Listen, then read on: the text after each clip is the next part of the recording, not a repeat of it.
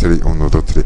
Varsovia venter sendoi en buso revenanta dum Szczecina printempo en la eion por tagmangi kai nun antau mi sidas Antau vi sidas Sten Svenonius sveda esperantisto Mi estis taskigita de la presidento de Sveda Esperanto Federacio okazigi Svedan kongresson en Kopenhago eventuale kun kun dana esperantistoj.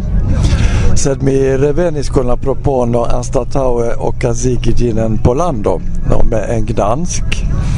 Kai tio cele mi parolis kun niaj amikoj en Gdansk Sopot Gdynia ĉu ili pretus aranĝi por ni ĉefe kulturan turisman programon tiel ke ni Giugin, che ni lernu novajn aferojn kaj ni renkontu novajn amikojn kaj ni uzu nur parton de la de unu tago por la necesaj jarkunsidoj do estas kiala ke vi ne en Svedio kolektiĝas sed vi deziras eh, elekti Kopenhagon aŭ eh, Gdańskon aŭ alian urbon ekster Svedio.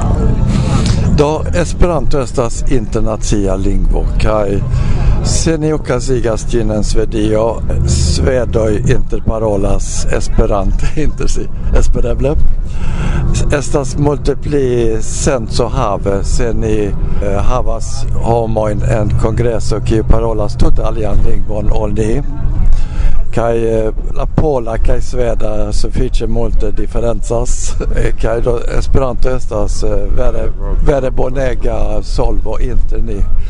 Kai ni estas eh, i landoj. Kai mi fakte pensas ke giusto la lingua, io mettete Timigas, kelkain visiti Pollandon, exemple min vän, ofte visitis Germanion, Så ĉar mi studis la germanan eller la lernejo, mi povas interparoli kun homoj kaj diplo. Pollando mi visitis Nor en du mil och okaze de la Universala Kongreso en Bjalistoko kaj mi trovis ke tio estas tre interesa lando kaj poste mi revenis tio ĉiujare. kai mi volas ke ankaŭ aliaj malfermu la okulojn por eh, land och situas till proxima ni kaj estas tre facile kaj malmultekoste nuntempe flugi al eh, Gdansk al eh, Poznano kaj Tiplo Varsovio. Racconto io metal al esperantisto mondo, la mondo. Casas non tempe en la Sveda Esperanto Federacio?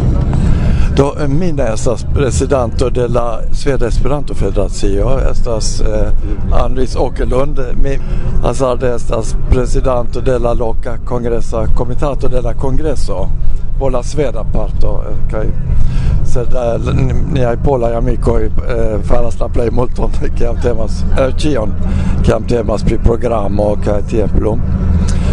sed en svedio ni klopodas eh, fari retejon kiu povu esti eh, a forumo por esperantistoj renkontigi diskuti aferojn spari dokumentojn kiun oni povas reuzi por estontaj bezonoj kaj kaj tie plu.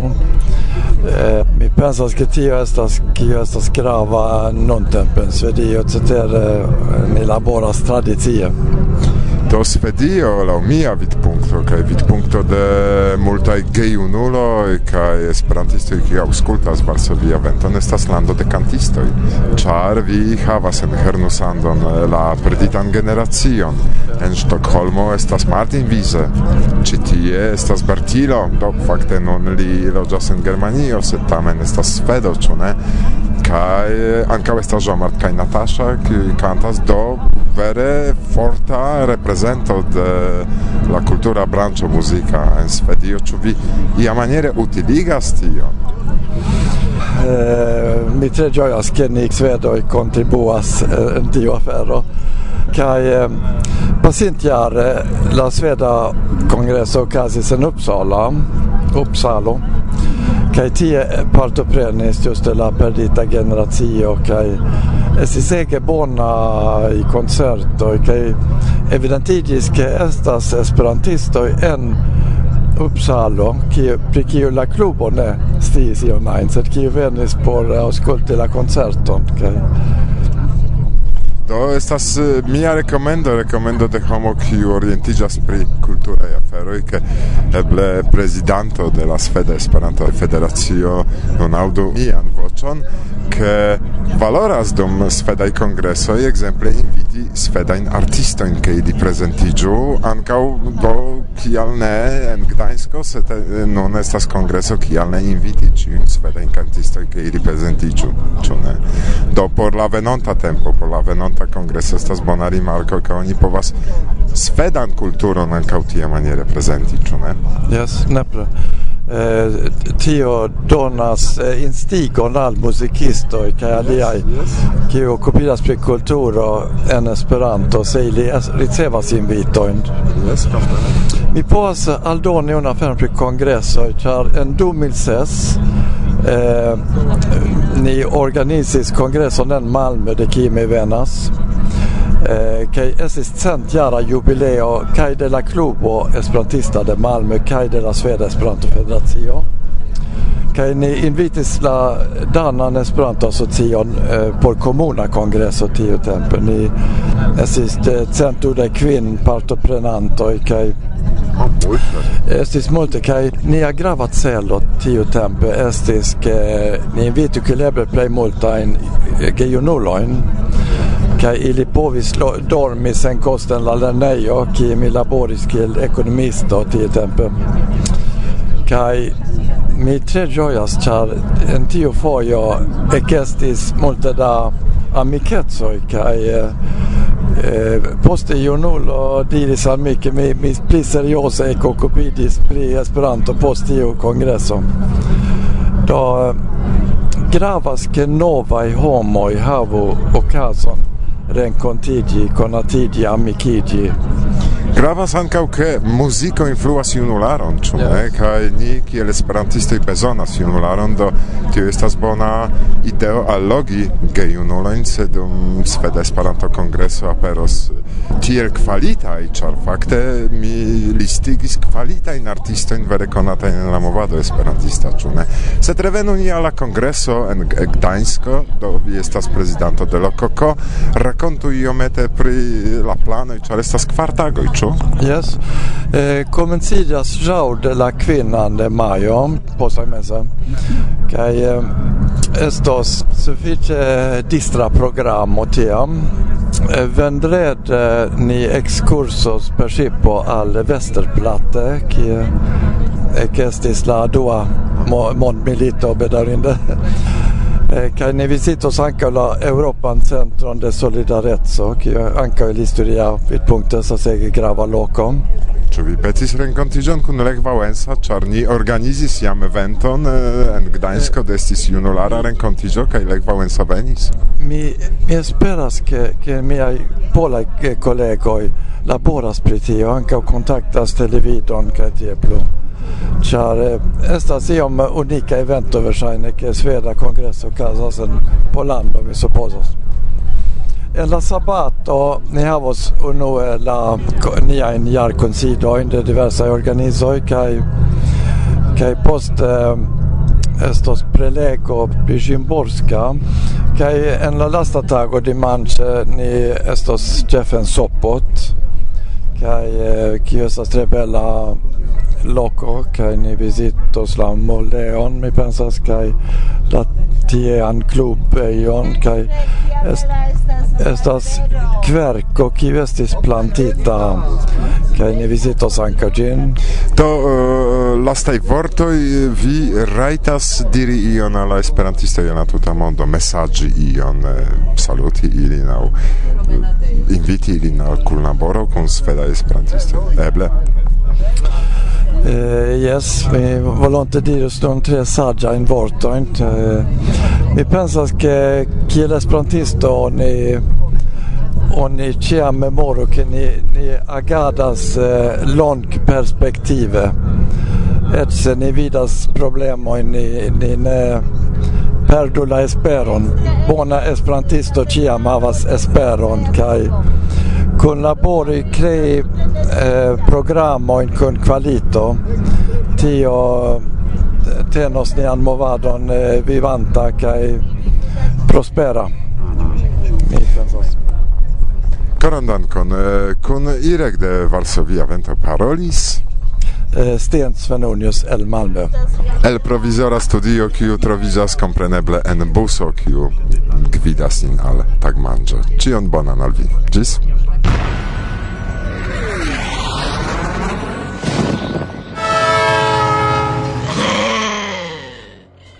Shangio pri chiude tempo al tempo aperas informoi, cioè. Varsovia vento multe concertas visitante urbon post urbo citie, cae ancau exterlande. Sur la mapo de ilia lasta turneo tra Polando estis ancau Varsovio, survoje, char poste la teamo voyagis norden concerti interalie en Gdańsko. Malgrau informoi, la Varsovia concerto ne collectis multain esperantistoin, Eble, char gi okazis malfruan vesperon en situanta iom exter la urbocentro klubo, kun stranga nomo sen pszczoły, sonjo de Abelo, kion estis opportuna ancau por ni, char cio tio fakte okazis tagon antau mia kaj Agnieszka forveturo al Szczecino.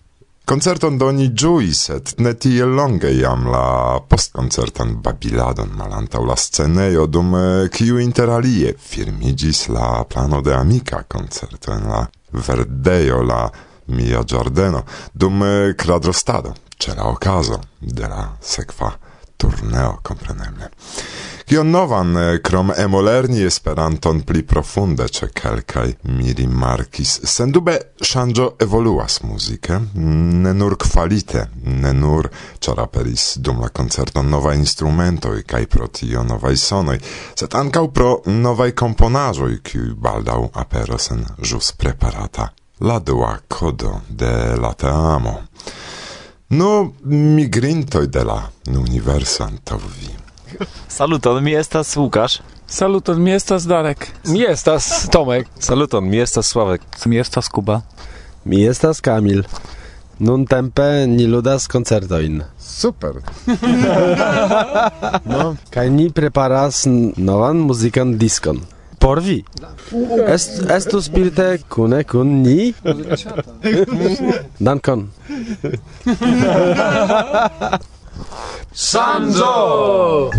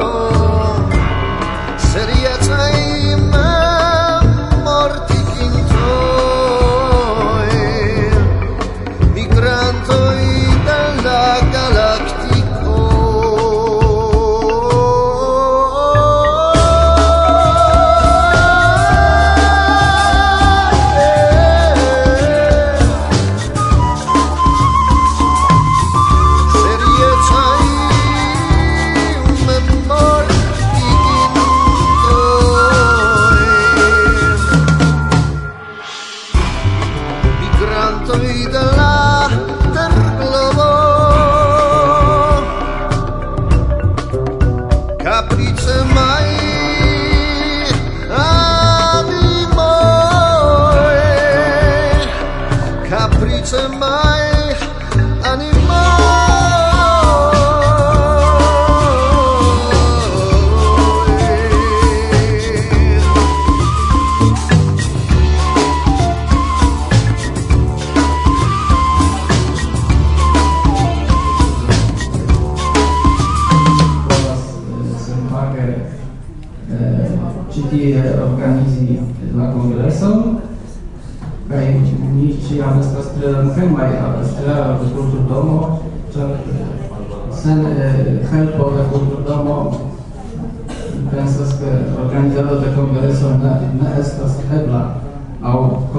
pli multe, ĉar ne estas facile trovi sufiĉe bonan lokon kaj ĉi tie ni havas oni povas diri preskaŭ komfortan lokon por kiu La lastan semajnfinon de la majo en Lodzo sekvis la tridek kvina Pollanda Esperanto Kongreso, kiun ankaŭ mi partoprenis. Nun mi invitas vin al la konciza resumo kaj pli multajn opiniojn pri la kongreso prezentos ni en la venonta programo. Agnieszka Rudzia. Oni povas diri panorama ĉambro. En la ĉambro eh, Saluton, mi estas Sainz Papandrak el Gliwice, exa prezidanto de Pola Esperanta Asocio. Mi diras exa, char hieraŭ estis eh, generala kunveno de pola esperantisto kaj estis elektita nova estraro kaj e, mi ege ege ĝojas kaj mi jam liberigis de tiu posteno dum la congresso okazis kelka interesa fakte programeroj, ĉar krom tiuj e, kulturaj programeroj ni povis konatiĝi kun loza regiono, partopreni dia korpan ceremonion, ĉar ni venis ĉi tie ankaŭ speciale por partopreni tiun e, feston, por katolikoj tio estas grava, kai grava grava afero estis ke dum tiu ĉi tridekvina pola kongreso okazis generala kunveno lau statuto bezono electa conveno kie ni sumigis triaran periodon de nia funkciado kaj ni donis mi pensas puŝon al pluaj tri jara laboro de la ĉefastraro impreso estas ĝenerale belegaj kiel ĉiam. Mi neniam diras ke dum esperantaj aranĝoj okazas io ne bezonata ne bona ĉar renkontiĝo kun homoj. Tio estas la ĉefa afero. Kaj renkontiĝoj kun homoj kiuj shatas la saman ideon kiun mi shatas estas pli bonaj pli simpatiaj pli fruktodonaj eĉ. Char mi ciam lernas de rencontigio vi ion interesan povas audit ion interesan povas vidi. Mi pensas ke tiu ki volis giui tiun kongreson kiel sian propran tiu ricevision eblecon kai captante la occasion mi invitas ciu in al feriado en Mielno kiun mi post kelkaj semajnoj organizos. Mielno konata urbo eh, apud eh, Koszalin kai tie okazos jam tridek okan fojon ce Balta Esperantista Printempo. Kaj tiuj, kiuj volas veni, informu min, ec povas last eh, semaine aligi. Diru la datojn de tiu Mielna. Mielno okazos eh, ciare inter dek kvara gis dudek fina de junio. Cion bonan, fartu bone, aga, kai agu, aga, agu.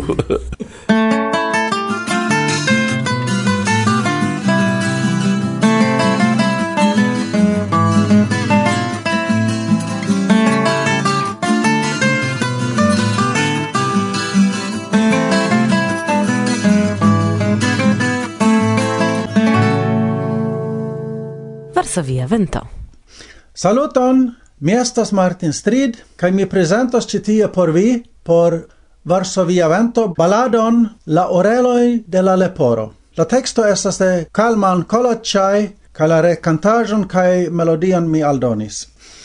La leonon vundis pesto corna, li ordonis en colero morna venu mastrino, En la hacen prenu mian manon en firmaten, che ciu best havanta corn armilon, iru hel la regno en exilon, venu mastrino, en la hacen prenu mian manon en firmaten, Do el migris cervo capreolo, capro, shafo chamo, caice colo, venu mastrino, En lahacen prenu mian manon en firmaten, la horeloin longain cusiginte, porce tiui ne elstaru pinte, venu mastrino, en lahacen prenu mian manon en firmaten, irisen, exilon la leporo, iris en exilon la leporo, venu mastrino, en la hacen, prenu mian manon en firmaten.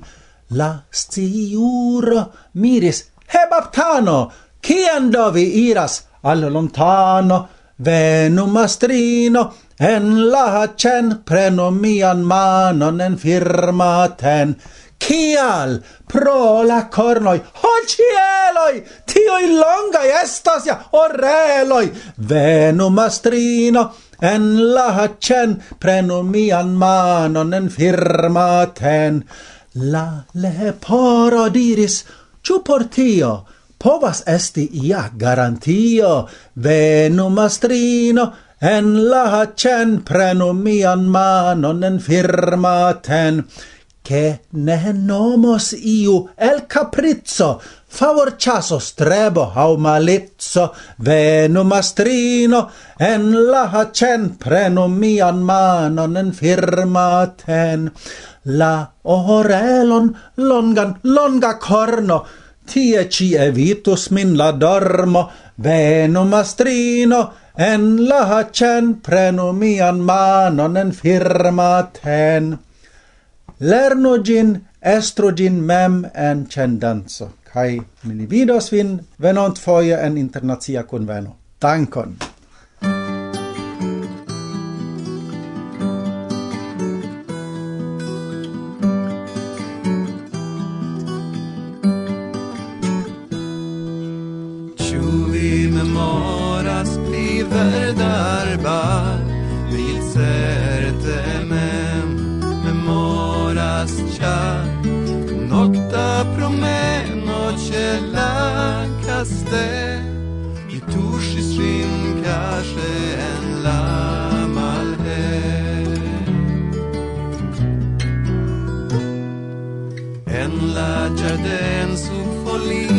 la plafon de fora ur ruligis son. La grinzo de tramo de fer contra u fer. La sumin sonĝi pri la somme flustrai messaggio in la corridor la varma vero tra la cor che fine rivelde profunda mister la sumin songi brilla somme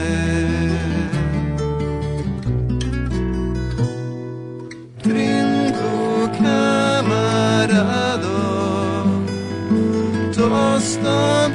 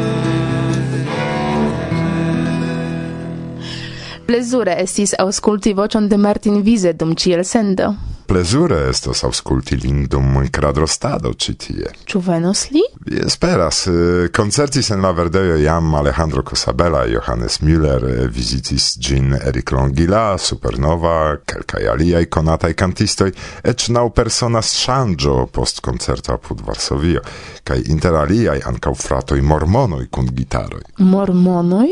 Nu, jes, ili popularigis sian koncepton de credo, ni esperanton, staris ni preskaŭ en sama loko de la malnova urbo. Do interŝanĝis ni kontaktojn kaj evidentiĝis, ke semajnfine venis du junuloj kun gitaroj kaj tutan vesperon manĝante bakitan kolbason, ni aŭdis komponaĵojn de Eric Clapton, Cat Stevens kaj Bob Dylan. Perfekte. Do perfekte estos. Tiam Martin vize venos kun la gitaroj persone. Biero eh, certe ne mancos. Ne mancos. Do, tiel ni venis alla fino de la centdec kvara elsendo de Varsovia vento. La sekva post eh, tri semajnoj. Kai iom poste aperos son raporto pri la sepdek quina hispana congreso de Esperanto. Kai poste somerumos ni. Kai ĝardenumos. Ĉe la okazo. Yes. Bla, bla. Bla. El la provisora studio de Varsovia Vento adiaŭas vin Irek kaj Martusia. Ĝis eh, baldaŭa raŭdo, karaj aŭskultantoj. Ĝis. Saluton cara, estas mi Ĉu vi ancora estas veka? Mi sidas sola tie ĉi duona post la deka Cia mi si volas pri via vivra conto. Venu cae mi montros al vi la trinceion sub la ponto. Da gioio cae melancoli Mi volas pli, mi volas pli Da varmae noctoi de Juli Mi volas pli, mi volas pli regalo per a mi regalos per biero. Cae ni trincos e la font de inspiro cae declero. Con cio quasi au halucin en la nocto brila. Ni por momento trompos nin che la vida estas facila da gioio cae melancoli mi volas pli mi volas pli da varma noctoi de juli mi volas pli mi volas pli.